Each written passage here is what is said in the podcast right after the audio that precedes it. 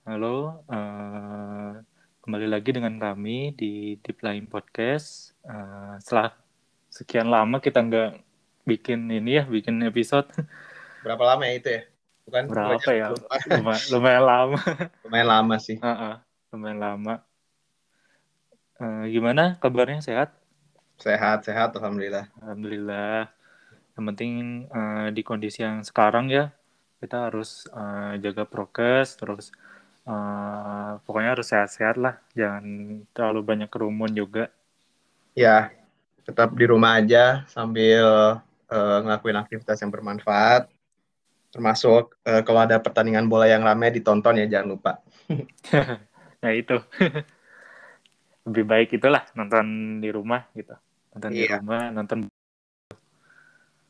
Tuh. Uh, mungkin selama kita ini ya lama nggak bikin uh, episode yang baru ini uh, yang lagi rame ini kan ya Euro 2020 ya iya. itu. sampai sekarang nih sekarang kan udah kemarin udah semifinal udah dapet finalnya siapa yang lawan siapa gitu. Iya. Dan kemarin juga kan berdasarkan uh, kesepakatan kita kan baru bakal mungkin baru bakal dibahasnya pas sudah mulai masuk ke uh, quarter final ataupun semifinal ya Iya. Dan kebetulan hari ini uh, kita akan uh, bahas dua semifinal sekaligus nih yang hmm. sebenarnya uh, cukup ramai tapi kalau dipikir-pikir pertandingan-pertandingan sebelumnya juga lumayan menegangkan sih. Ada beberapa iya, dengan yang iya. cukup wah hasilnya tuh tidak expected ya. Banyak kejutan, terutama kejutan. juara dunia bisa nggak lolos. Oh iya, sama yang ya, itu yang pertandingan yang balas-balasan gol itu yang apa itu ya? Balas-balasan gol. Uh, ya Spanyol, juga ya? seru. Spanyol Spanyol ya Spanyol. Spanyol balas-balasan gol itu. Spanyol lima tiga ya? Oh iya lima tiga itu ujung-ujungnya. Itu juga seru. Banyak juga sih yang seru-seru. Tapi untuk hari Cuman, ini kita akan uh, fokus ke pertandingan semifinal kemarin Uh, yang pertama yaitu uh, Italia lawan Spanyol, di mana Italia menang setelah adu penalti. Yeah. Dan ini uh, match yang meskipun skornya cuma satu sama, uh, seru juga ya dilihat hmm, uh, yeah, kalau yeah. dipikir-pikir dan emang kayak siapa pun uh, punya kesempatan gitu. Hmm. Dan untuk semifinal yang kedua uh, yaitu Inggris lawan Denmark. Denmark yang sebenarnya nggak disangka-sangka sih bisa menjadi kuda hitam ya di pertandingan iya, ini. Iya, betul. Gak ada yang kan bisa sejauh ini. Hmm, dia kan pernah juara juga kan ya. Juara iya. Euro tahun berapa gitu kalau nggak salah. 80 juara. atau 90-an ini. Kurang tahu sih rada lupa juga. Denmark tuh pernah juara dulu. Iya, Denmark pernah juara. Hmm. Oke, dari ini mungkin semifinal pertama ya Italia Spanyol. Oke. Seperti biasa, pertama uh, bahas line up dulu kalau dari hmm. pertandingan hmm. Italia Spanyol. Dari uh, hostnya dulu Itali di gol ada Gianluigi Donnarumma. Ini salah satu kiper yang dia baru berapa sih umurnya? 22 ya? 21. Donnarumma itu uh, lahir 99. Kan 99. Berarti 99. Ya dua-dua lah, dua-dua dua satu. Hmm, hmm, betul betul. Ini dua, kayaknya dua, dua dua sampai tiga piala dunia lain dunia lagi dia masih bakal main nih kayaknya. Oh jelas, apalagi iya. kan Itali ya lihat sendiri aja kemarin mainnya dari pertandingan awal awal di Euro kan dia emang Italia udah bagus banget di bawahnya Roberto Mancini. Iya, ini Roberto Mancini ini orang yang uh, membawa City menuju sekarang ya. Iya, emang ya orang yang pas lah orang yang cocok. Setelah mungkin sebelumnya mungkin Antonio, Conte ya tapi kan oh, iya. berapa uh, ya bentar banget sih kalau Antonio Conte ya. Setelah itu baru Roberto Mancini ya udah yang paling cocok lah buat Itali. Iya. Lalu itu di kiper untuk uh, pertahanan belakangnya uh, ada Leonardo Bonucci dan Giorgio Chiellini sebagai uh, pairing center back. Ini salah satu hmm. duo center back yang lumayan ini ya di masa iya, sekarang lumayan iya. uh, kompak banget ini banget. Walaupun udah tua tapi masih ini ya masih kompak. Iya kompak karena miripnya kali ya kompak. Dulu gue ketukar loh itu. Cielini iya mirip. Bonucci. Iya emang mirip mirip banget. Bonucci Bonucci itu yang mana sih? Yang mirip Cielini. Cielini yang mana? Yang mirip Bonucci. Bener sih, gak salah. Sama-sama botak juga. Iya. Lalu itu untuk uh, pairing center back-nya ya. Untuk uh, right back-nya ada Giovanni Di Lorenzo dan di left back-nya ada Emerson. Emerson ini uh, menggantikan Leonardo Spinazzola ya yang hmm. kemarin cedera. Hmm. Padahal uh, sangat disayangkan juga karena iya. uh, performanya Spinazzola ini lumayan bagus nih. Salah satu hmm. yang paling vital untuk hmm. uh, menangannya Itali selama ini. Hmm dan cederanya juga jadi lama banget kan dia cedera Achilles. Iya. Itu oh iya. Lama banget itu, berapa bulan gitu itu. Jadi aja yang gantiin ini kan orang hmm. yang jarang dimainin di Chelsea. Emerson juga. Emerson. Emerson. Lalu untuk midfieldnya uh, ada Jorginho uh, di tengah dan uh, dua lagi yaitu Nicolo Barella dan Marco Verratti. Iya ini emang ya ya lumayan kuat lah untuk tengahnya ini. Kadang juga yeah. Mancini juga kan ngubah-ngubah juga gitu pemainnya. Iya, ini mungkin dibahas nanti ya pas pertandingan. Hmm. Dan untuk uh, forwardnya, uh, untuk striker utamanya ada Ciro Immobile, dan di sebelah kiri ada Lorenzo Insigne, dan di sebelah kanan, sayap kanannya itu Federico Chiesa, hmm. yang kemarin berhasil mencetak gol pertama. Hmm. Salah satu rising star dari eh Inter kan Juventus. Juventus Juventus. Lumayan rising star juga nih. Mm-hmm. Oke okay, itu untuk uh, Itali. Sekarang untuk Spanyol ya. Nih uh, yang karena pelatihnya Luis Enrique ya, jadi nggak ada hmm. orang Madridnya sama sekali. Nggak ada sama sekali gak. di sini. Itu nggak tahu hubungannya atau enggak ya, tapi emang tapi emang ya pemain Madrid kan lagi kurang bagus juga kan ya kemarin-kemarin tuh. Iya. Lagi kurang bagus pemainnya. Kecuali, kecuali Ramos ya. Ramos iya. yang ya. Ram, mm, Ramos nggak dipanggil sih. Kalau nggak salah Agak... cedera gitu ya. Dia lagi sering cedera juga dia. Iya sih, bilangnya cedera. Mm -mm.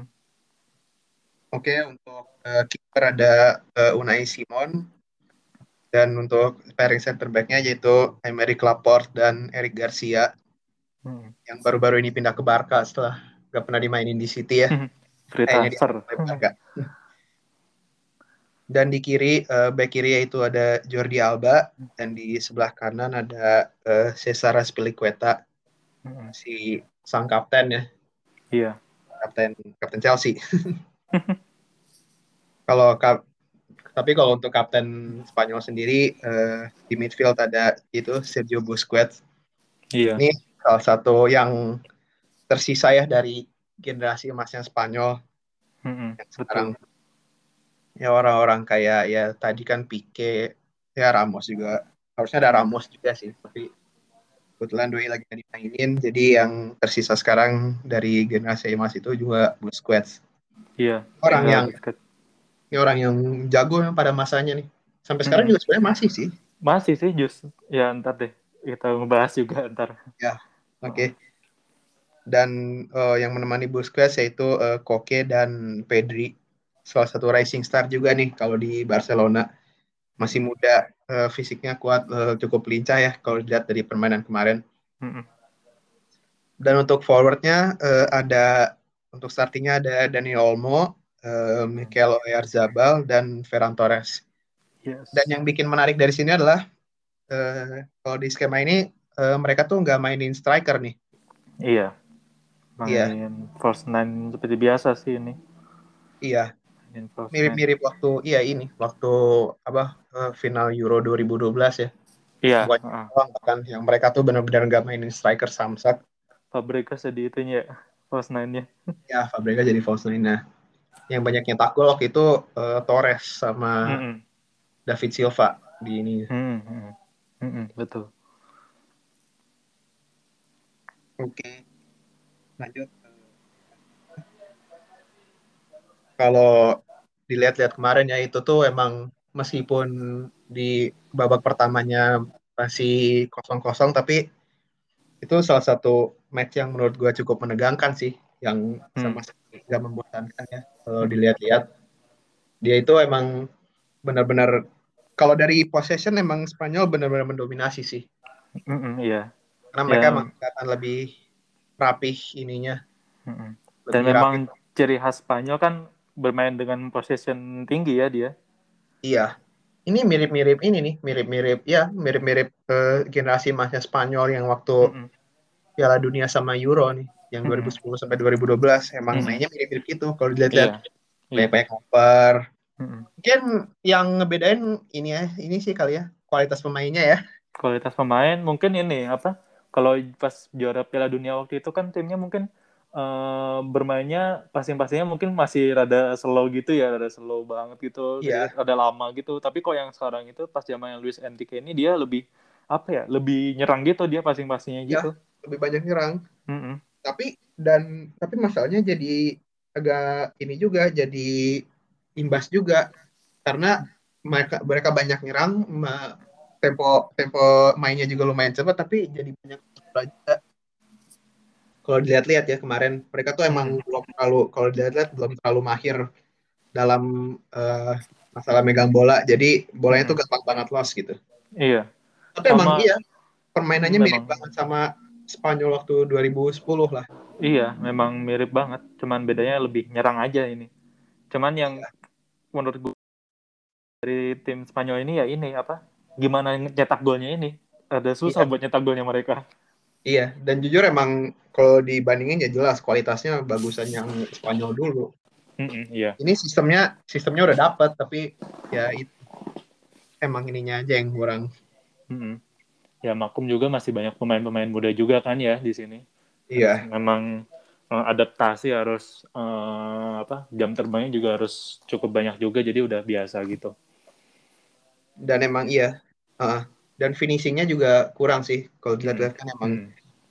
da, emang pada dasarnya tuh tiga tiga orang ini emang bukan striker secara alami ya jadi harus hmm. agak-agak ini juga baru bisa nyetak gol kan setelah baru masuk seorang eh masuk striker beneran ya hmm, iya baru itu bisa nyetak gol. yang ya di hmm. Untung bisa nyetak ya Alvaro Morata ini. Iya, Morata kan ujungnya juga uh, dia cadangan juga kan kemarin dimasukin ganti iya. Ferran Torres. Mm -mm. Dan Oyarzabal juga ujungnya di sama di sama Moreno. Gerard Moreno, iya. Hmm.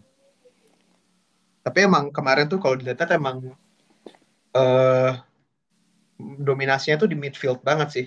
Mm-hmm, yeah. dua, dua tim itu kalau di eh kalau di Spanyol kan ada si itu kan Sergio Busquets sama Pedri. Mm-hmm. Busquets nih masih iya meskipun umurnya segitu ya, tapi dia benar-benar mendominasi banget itu. Iya. Kan di match awal itu Spanyol di Euro itu awal-awal kan tengahnya ini rada kurang bagus pas masih dimainin sama Rodri.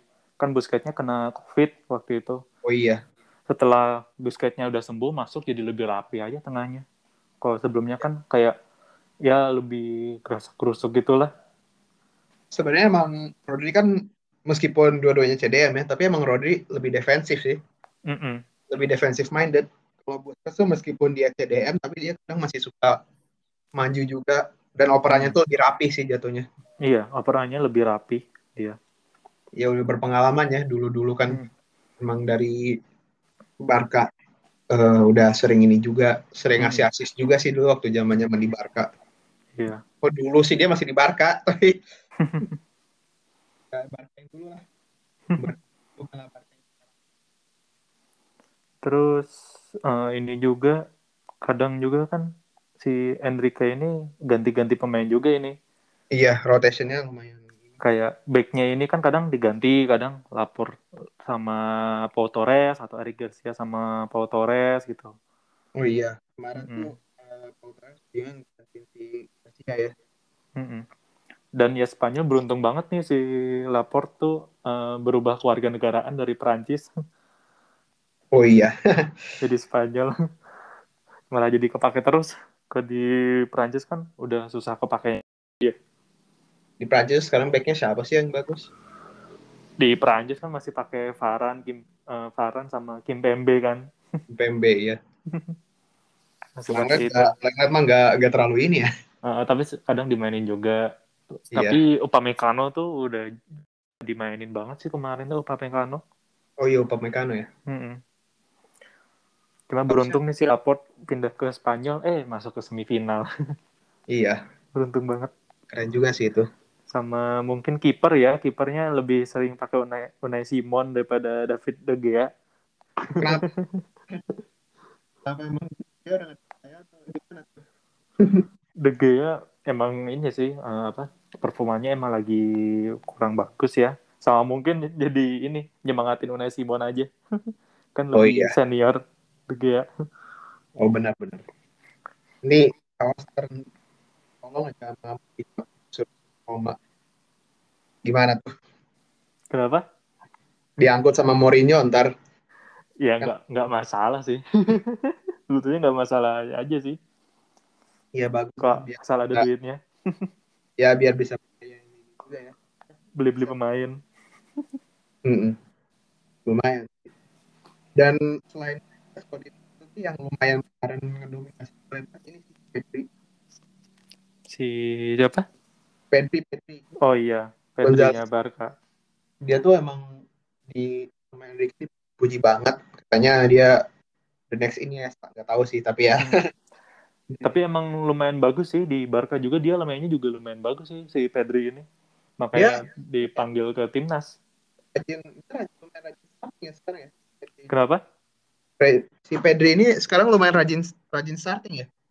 Iya kan dia dia emang lumayan bagus sih mainnya walaupun masih umur 18 tahun atau 19 tahun gitu kalau nggak salah. Iya di bawah 20 lah. iya. Lumayan sih banget. Pedri. Salah satu orang yang harus di inilah Mm-mm, harus diperhatiin banget ininya. mm-mm.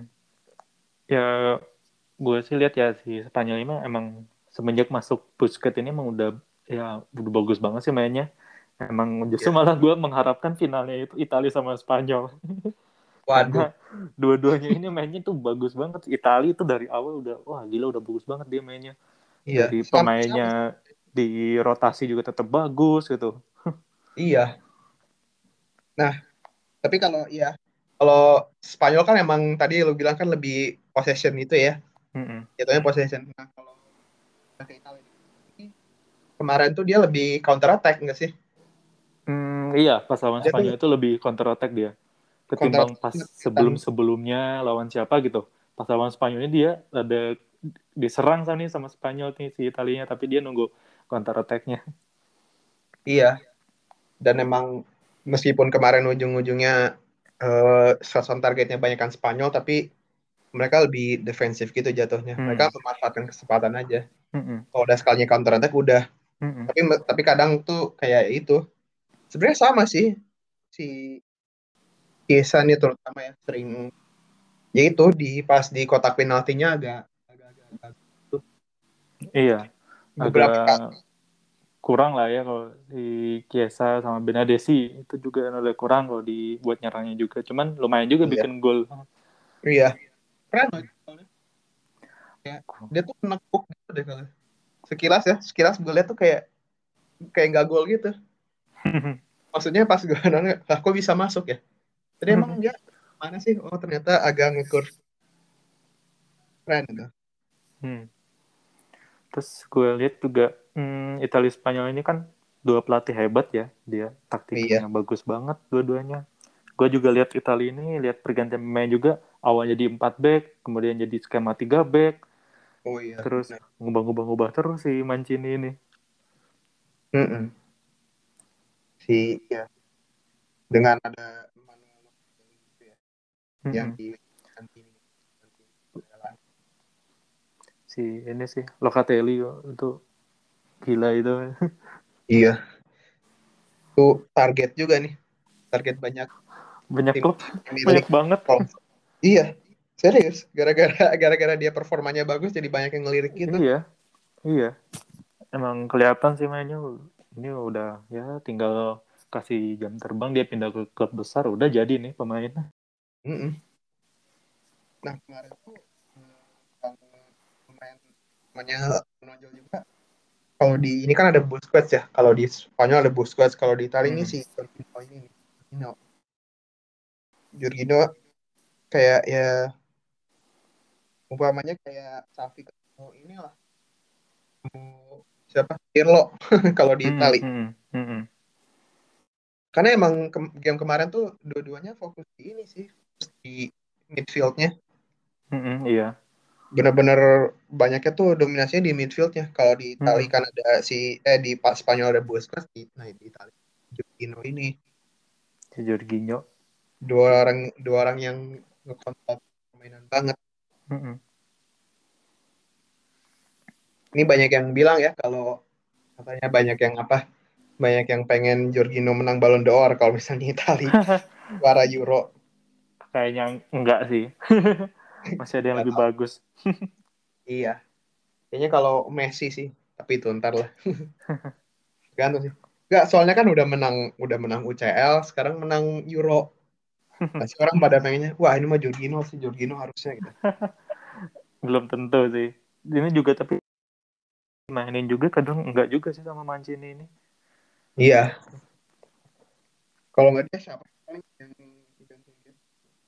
Kenapa? Yang gantiin Jorginho siapa sih biasanya? Biasanya ya bisa si Brian Cristante tapi Brian Cristante itu lebih sering cadangan ya mungkin hmm. Matteo Pessina Locatelli oh ya Pessina hmm. kemarin nggak dimainin sih hmm. oke okay. uh, okay. Italia Spanyol mungkin itu ya iya akhirnya okay. selesai setelah ada penalti ya hmm kelihatan juga sih pas udah extra time udah nggak se hmm. waktu pertama iya lah. Oke, okay, fun, sekarang fun fact juga nih. Ini eh Spanyol dan Spanyol. Spanyol nih empat pertandingan apa empat pertandingan berarti ya? Oh tiga pertandingan berturut-turut gitu ya? Dia tuh selalu masuk extra time. Ya emang gitu dia emang udah gue bilang juga apa dia susah bikin gol gitu. Iya sih.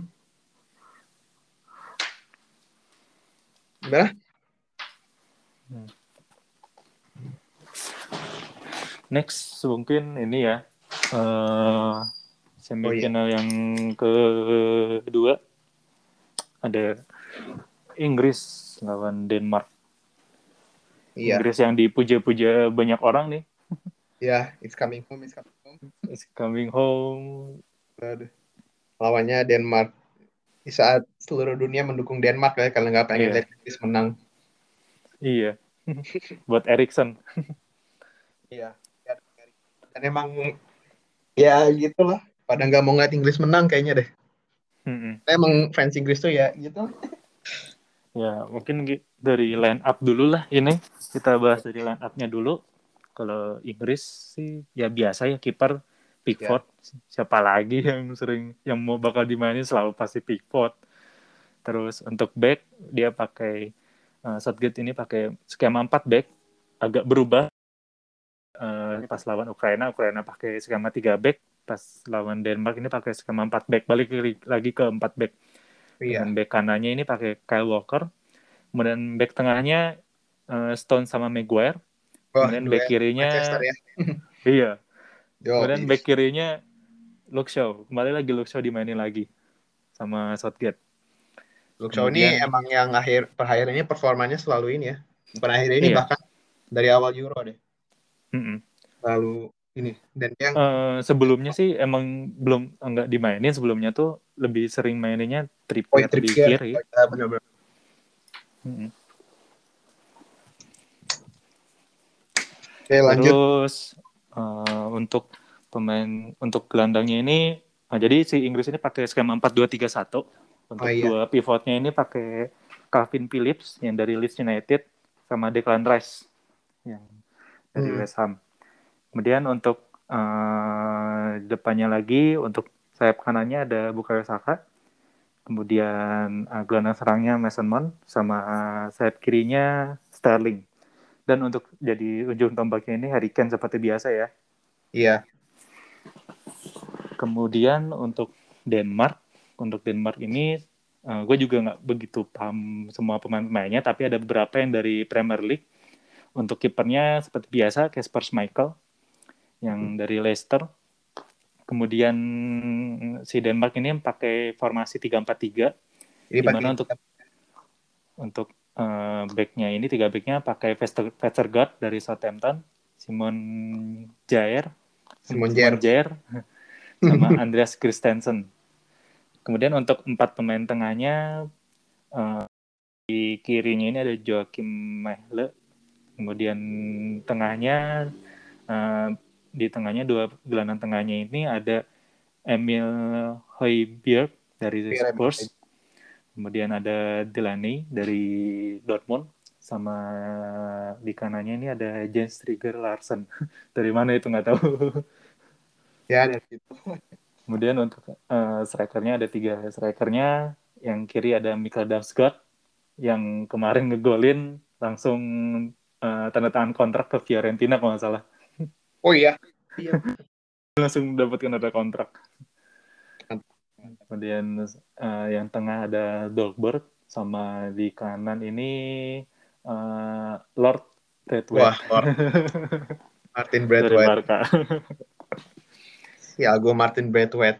Dream team gitu. Dream team. Lord White, Lingard. Setelah ini kan Denver dulu ada Bednar ya.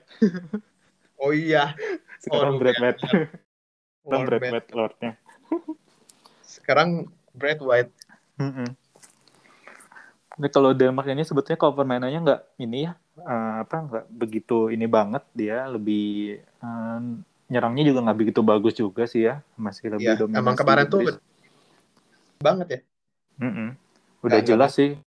Iya. Udah kalah banget sih si Denmark ini tapi dia defense-nya juga lumayan. Apalagi kipernya Schmeichel. Iya. Oh, kiper Oke, okay, untuk. Iyalah. Siapa dulu bapaknya? Peter Schmeichel. like father like son ya. Yo. Kemarin Aduh. tuh ternyata uh, setelah dilihat-lihat kan itu gol bunuh diri ya. Mm-hmm, iya. Uh, dikira awalnya Sterling yang golin. Mm-hmm. Dengan bunuh diri. Ternyata uh, dari si ini. Jadinya mm, bunuh diri. Euro ini Belum. udah 11 11 gol bunuh diri loh. Fun fact. Iya, banyak banget ya. Dan bahkan dari Euro-Euro sebelumnya tuh gabungan dari Euro sebelum itu tuh cuma ada 8 apa 9 gol bunuh diri ya tadi gue baca ya. Hmm, hmm. Cuma ada segitu. Sementara buat eh buat kompetisi kali ini udah ada 11 aja tiba-tiba. Mungkin mau nyumbang, nyumbang gol ke bang iya. sendiri tapi. golden boot, golden boot. golden boot. golden bootnya gol bunuh diri. Waduh. Terus untuk Inggris sih sebetulnya ya dan dari dulu sih sebetulnya nggak begitu bagus ya mainnya tuh dia uh, gimana ya sebetulnya tuh kurang kreativitas gitu itu masih nah, kurang gitu dia. Dia itu emang Inggris itu biasanya dari pertandingan-pertandingan sebelumnya emang mereka tuh emang butuh orang yang bisa nyari celah gitu, yang bisa hmm. bikin chance gitu. Hmm. Kayak orang kayak ya Saka kan tadi ya. Hmm. Saka terus Grealish sih, Grealish sih yang Grealish. Sebetulnya pas Ukraina lawan Ukraina itu lumayan bagus sih. Inggrisnya dia pakai skema 3 back kemudian uh, dia strikernya juga mungkin rotasi ya dari Bukayo Saka jadi Jadon Sancho dan dia juga bisa sebetulnya bisa nyari celah juga gitu. Cuman anehnya ini kok nggak dimainin? Padahal kan kemarin kan bagus ya pas lawan Ukraina tuh. Bahkan the whole team tuh lumayan bagus mainnya. Oh iya. Kayak sekarang juga gitu. Harus emang harus nyari orang yang bisa itu yang bisa bikin celah. Mm -hmm. yang bisa buka ini. Kayak waktu lawan ini juga waktu lawan Jerman itu babak pertama tuh nyerang dong tapi kayak bukan nyerang bahkan. Kayak ngoper-ngoper-ngoper lepas. Iya jatuhnya tuh kayak pokoknya kita harus bikin kita harus gimana caranya kita bawa bolanya ke kotak penalti. Iya. tapi nggak nggak bisa bisa iya Sterling aja dribbling Karena dribbling kerebut. Sterling ini sih jatuhnya bukan orang yang bisa create gitu. Mm-hmm. Dia orang yang prefer dibikin lah daripada bikin lah. Mm-hmm. Gue sih kasihannya ke Harry Kane sih. Gimana mau bikin gol kayak gitu. Iya gitu. Cuman Mungkin itu pas, sih yang bikin susah.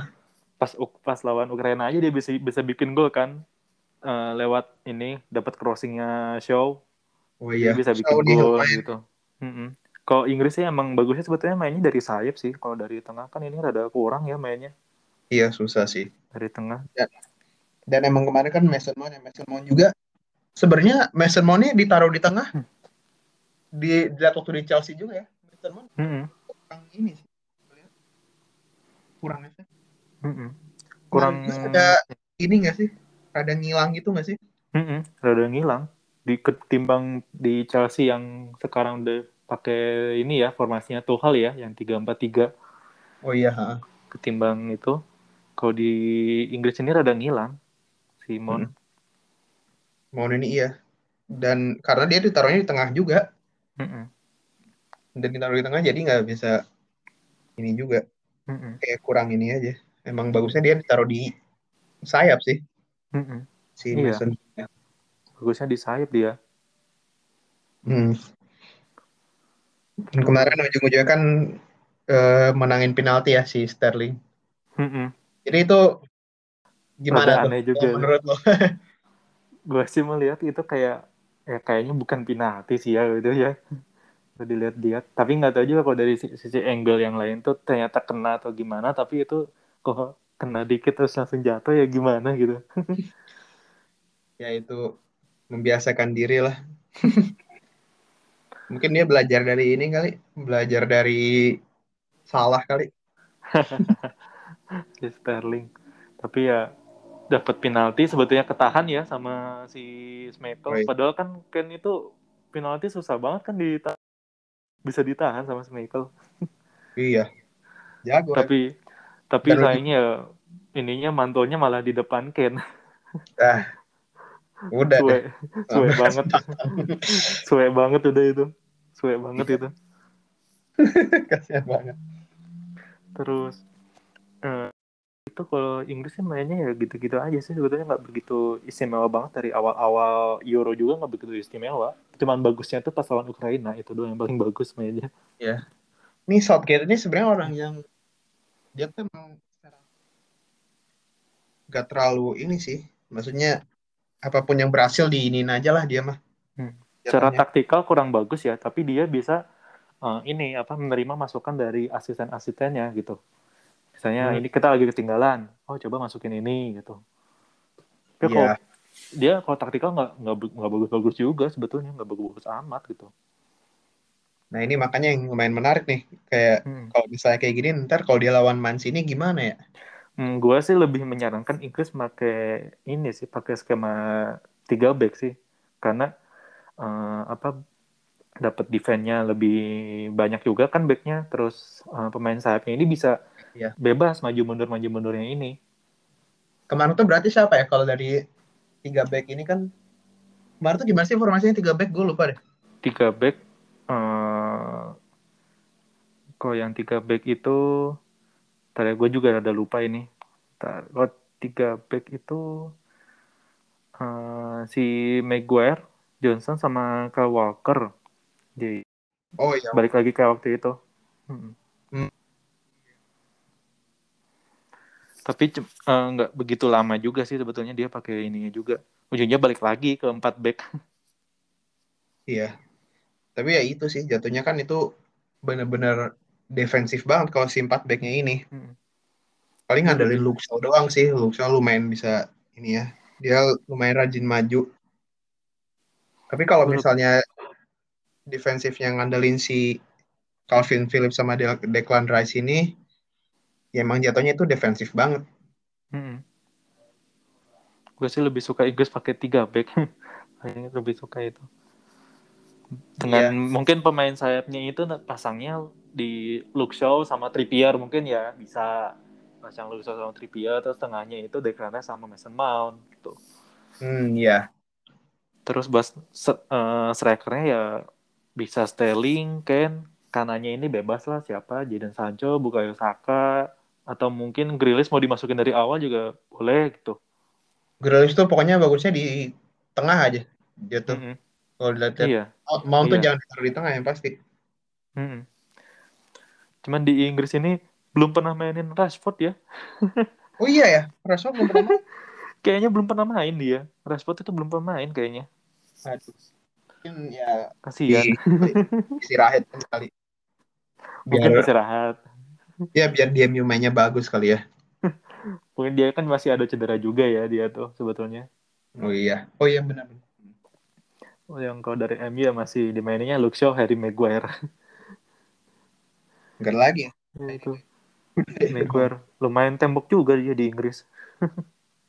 Emang dia mah tembok gak sih? Tuh Maguire tuh emang ya ya gue harus Oh. akui sih salah satu back terbaik sekarang ya Maguire ini dari dulu di sih cuma ya kadang Liga suka Inggris di Inggris ya di Liga Inggris ya di mungkin ya. Liga Inggris. Hmm.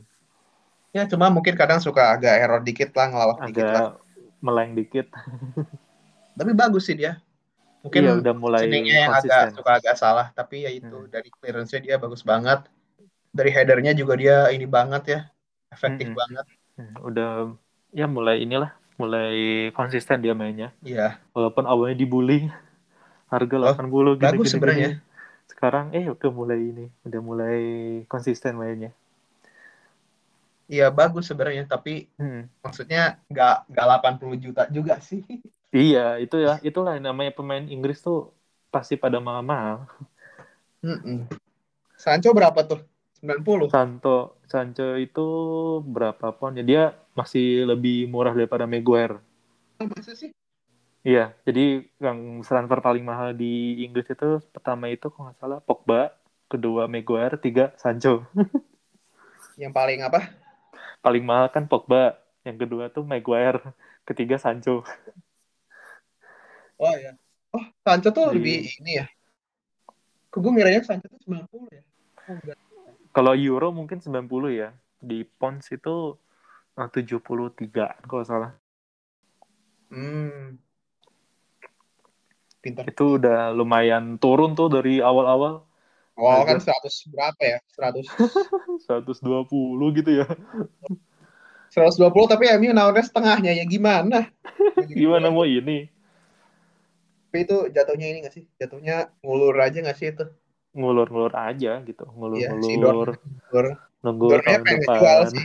Lihat-lihat. Mm-mm. Dan Sancho-nya juga pengen pergi. Iya, dia udah pengen. Ya, gue juga bakal lihat ini si Declan Rice kan harganya 100 juta nih ya. Aduh. Mungkin tahun depan jadi turun kayaknya.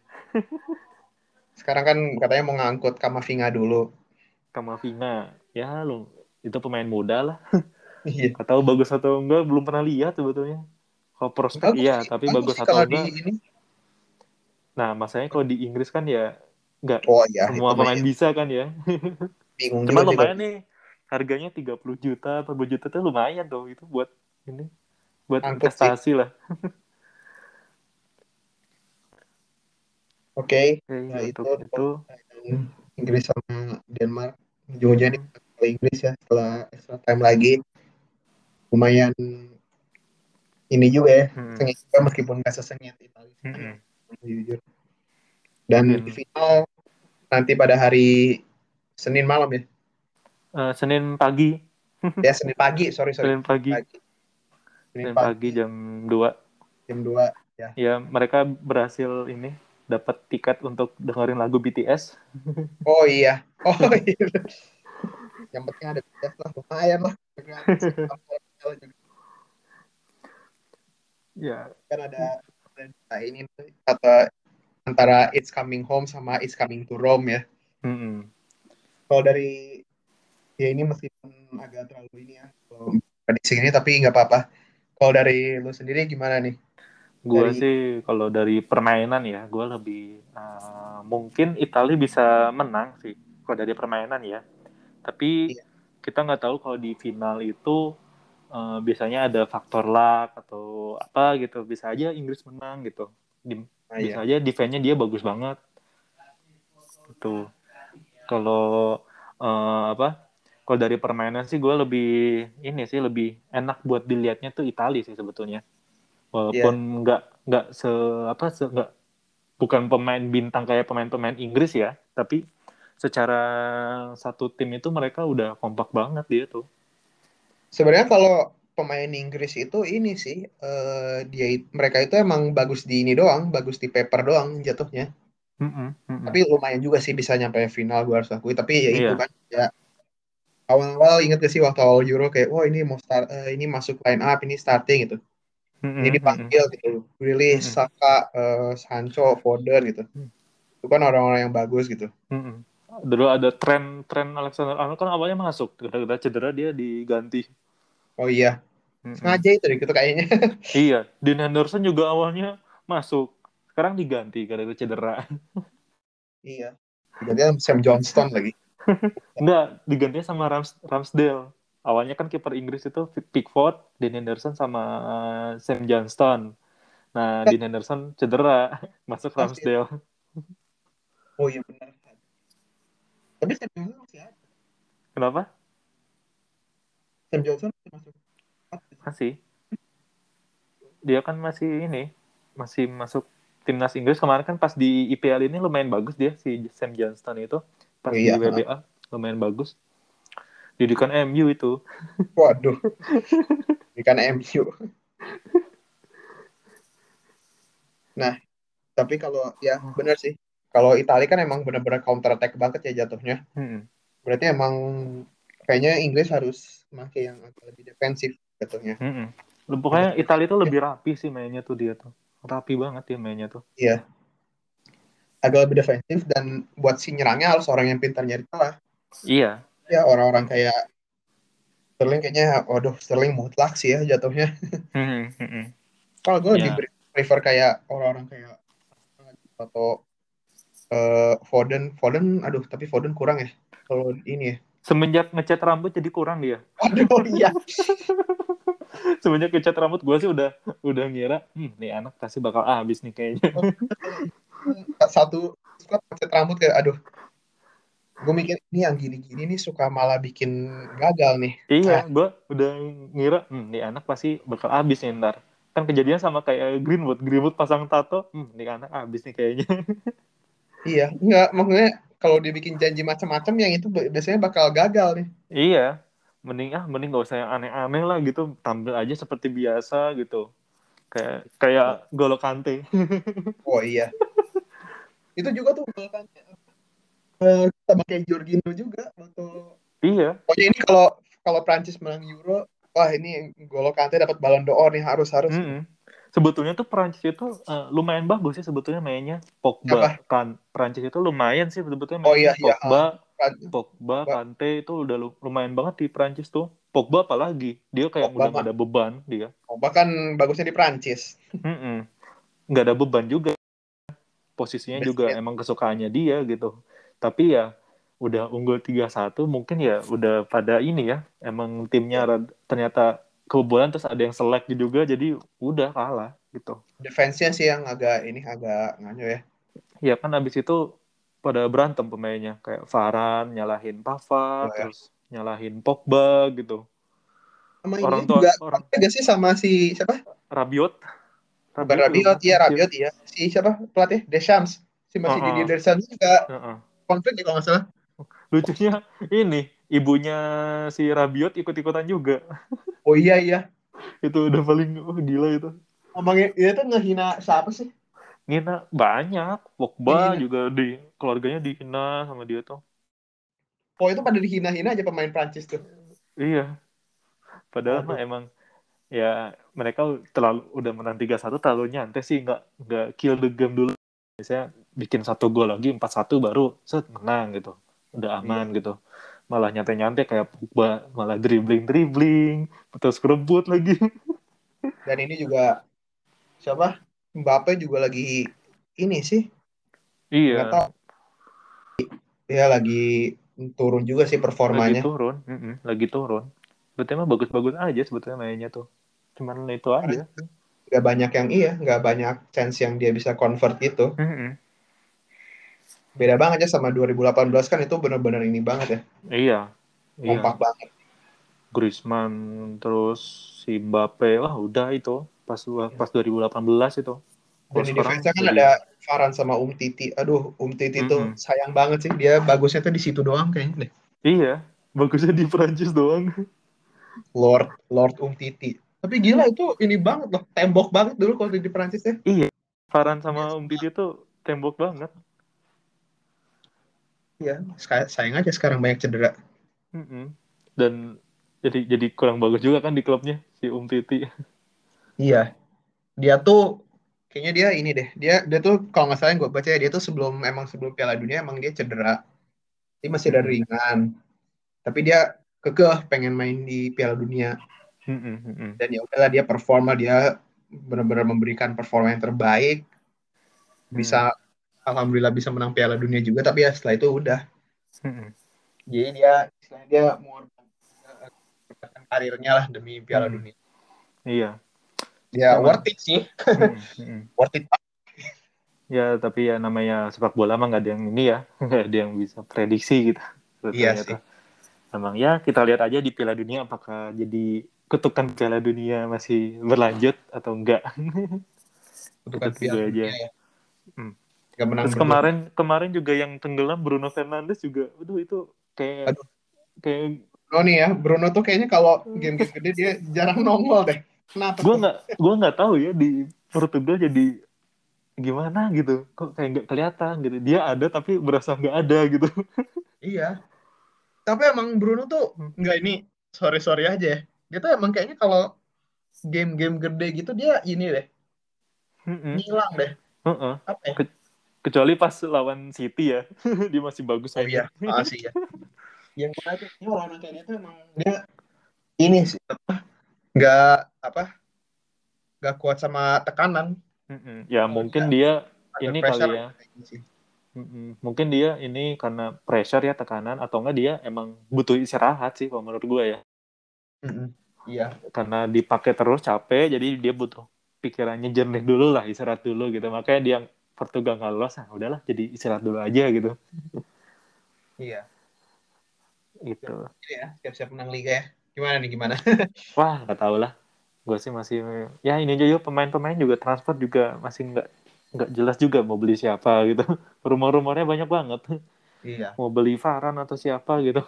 Mau beli siapa lagi tuh waktu itu kan. Nggak tahu lah lihat aja ntar di akhir-akhir kayaknya.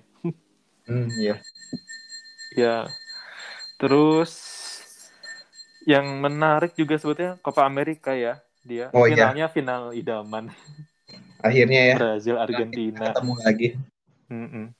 sebetulnya ya gue lihat permainan Brazil Argentina ya nggak bagus-bagus amat sih malah lebih bagus tim-tim di Euro ya. Mm-mm. Lihat itu kurang Lebih bagus aja kalau- mainnya. Nah, iya sih Argentina agak lebih bagus sih daripada Brazil. Mm-mm. Brazil Cuma paling ya, siapa sih yang ini di Brazil tuh? Yang bagus ya Neymar. Neymar sisanya tuh ngilang ya. Gak, gak maksudnya nggak ngilang juga sih agak Hmm. ini. Yang beruntung tuh Fred gara-gara dia sering dimainin di MU jadi masuk timnas Brazil. Oh iya Fred masuk timnas Brazil ya? Tim utama malah dimainin terus. Beruntung banget tuh si Fred. Kalau di Argentina nih selain ya ini ya tentunya selain siapa Messi, lagi? Messi. Ya. Messi. Dan ini eh yang eh, lumayan nge-carry mereka tuh ini Emi Martinez. Oh. Wah, gila sih itu. Ya akhirnya dipanggil ya ke ini. Arsenal Bang. nyesel nggak nih? Arsenal Hah? nyesel nggak nih? Nyesel nggak nih Arsenal? Nyusul apanya? Kenapa Lepas sih? Martinez. Kenapa sih Martinez bikin perform bag- bagus tuh Arsenal trending di Twitter? Gue nggak ngerti. Apa di sih? saat Leno ngelawak mulu iya sebenarnya nggak Martinez nggak- bagus bukan Leno nya sih yang ngelawak defense yang ngelawak aduh gila. Tapi di Aston Villa juga kan dia si Martinez tuh nge-carry juga. Lihat aja backnya Terran Mings. Siapa itu nggak jelas. Ya, heeh. Di shoot shoot eh ketahan doang sama si Martinez. tapi emang iya dulu juga waktu dia di Arsenal gitu back ngelawak masih ada dia Nge-carry banget kan dia. iya emang gimana ya Alp Martinez lebih ini sih jatuhnya lebih lebih sigap sih daripada Leno Hmm. Tapi Mungkin lama- ya. Maksudnya ini juga apa dia kan memang Martinez mah pindah dia pengen jadi ini pengen jadi starter Iya, starter tim utama dia pengennya. dan Dan sekarang masuk ya. timnas Argentina gantiin kalau posisinya dipikir-pikir, Romero. kalau dipikirnya posisi orang Romero. Jadi bangku cadangan sayang sih Mm-mm. ya sia-siakan aja gitu ini ya Mm-mm. dia bisa menggeser inilah posisinya Romero di kiper utama Argentina. Oh iya. Romero apa kabar ya. coba? Romero sekarang apa kabar coba? Gimana tuh? Nggak tahu. kan udah dibuang kayaknya dia. Udah, aduh, MU udah buang berapa pemain coba. ya itu. Ya mungkin kalau Copa Amerika ya final ideal ya, final idaman semua itu. Iya, Brazil. Akhirnya Brazil Argentina tapi nggak tahu mereka mainnya bakal gimana. Semoga aja sih uh, mainnya sama-sama nyerang gitu. Jadi yang nonton enak banget lah liatnya gitu. Mungkin ini uh, dan untuk Copa Amerika ini ini bisa jadi tapi tergantung juga sih. Ini uh, kesempatan terakhir buat Messi dapat piala ini ya, dapat mm -hmm. piala internasional. Mm -hmm. Setelah gagal Copa Amerika dua Copa Amerika sebelumnya, mm -hmm. eh Copa Amerika sebelumnya, mm -hmm. Copa Amerika sebelumnya gagal dan gagal di piala-piala dunia.